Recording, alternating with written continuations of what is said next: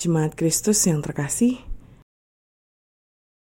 renungan untuk kita pada malam hari ini berjudul Jalan yang Membawa Hidup. Dan bacaan firman Tuhan diambil dari kitab Amos pasal 5 ayatnya yang keempat sampai dengan keenam. Beginilah firman Tuhan. Sebab beginilah firman Tuhan kepada kaum Israel: "Carilah Aku, maka kamu akan hidup. Janganlah kamu mencari Betel, janganlah pergi ke Gilgal, dan janganlah menyeberang ke Bersheba. Sebab Gilgal pasti masuk ke dalam pembuangan, dan Betel akan lenyap. Carilah Tuhan, maka kamu akan hidup. Supaya jangan ia memasuki keturunan Yusuf bagaikan api yang memakannya habis dengan tidak ada yang memadamkan bagi Betel. Tersesat saat mencari alamat adalah hal yang melelahkan dan dapat membuat kita putus asa tersesat merupakan sebuah situasi yang akan dihindari oleh siapa pun. Karena selain membuat lelah, juga sekaligus membuat kita panik dan merasa terancam. Karena memang pada dasarnya kita selalu ingin segala sesuatunya jelas dan pasti.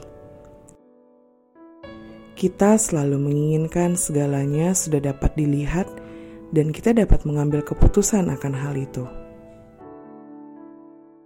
Persoalannya, banyak hal dalam dunia ini yang kita hadapi adalah sesuatu yang tidak pasti dan tak jarang membuat kita gelisah dan khawatir.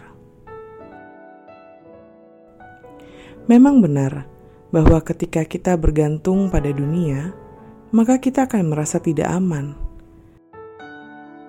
karena memang segala yang ada di dunia ini adalah fana dan tidak dapat menjadi tumpuan bagi kita.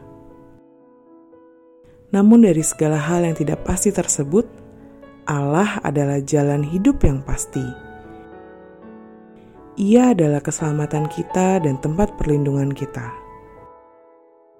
Terlebih, ia tidak sulit untuk ditemui, bahkan ia ada bersama kita hanya kita yang sering kali tidak sadar akan keberadaan dan penyertaan Tuhan bagi kehidupan kita.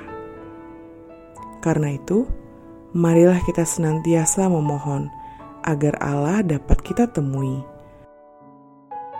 Agar Allah senantiasa memberikan kasih-Nya bagi kita. Agar Allah dapat kita jumpai dalam segala hal yang kita lakukan ataupun dalam setiap doa yang kita naikkan. Carilah Allah, maka kita akan hidup. Percayalah akan pertolongan Allah, maka kita akan diselamatkan. Demikianlah renungan pada malam hari ini. Semoga damai sejahtera dari Tuhan Yesus Kristus tetap memenuhi hati dan pikiran kita. Amin.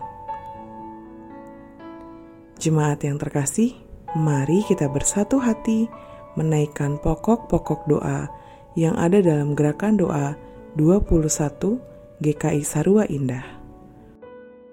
Mari kita berdoa.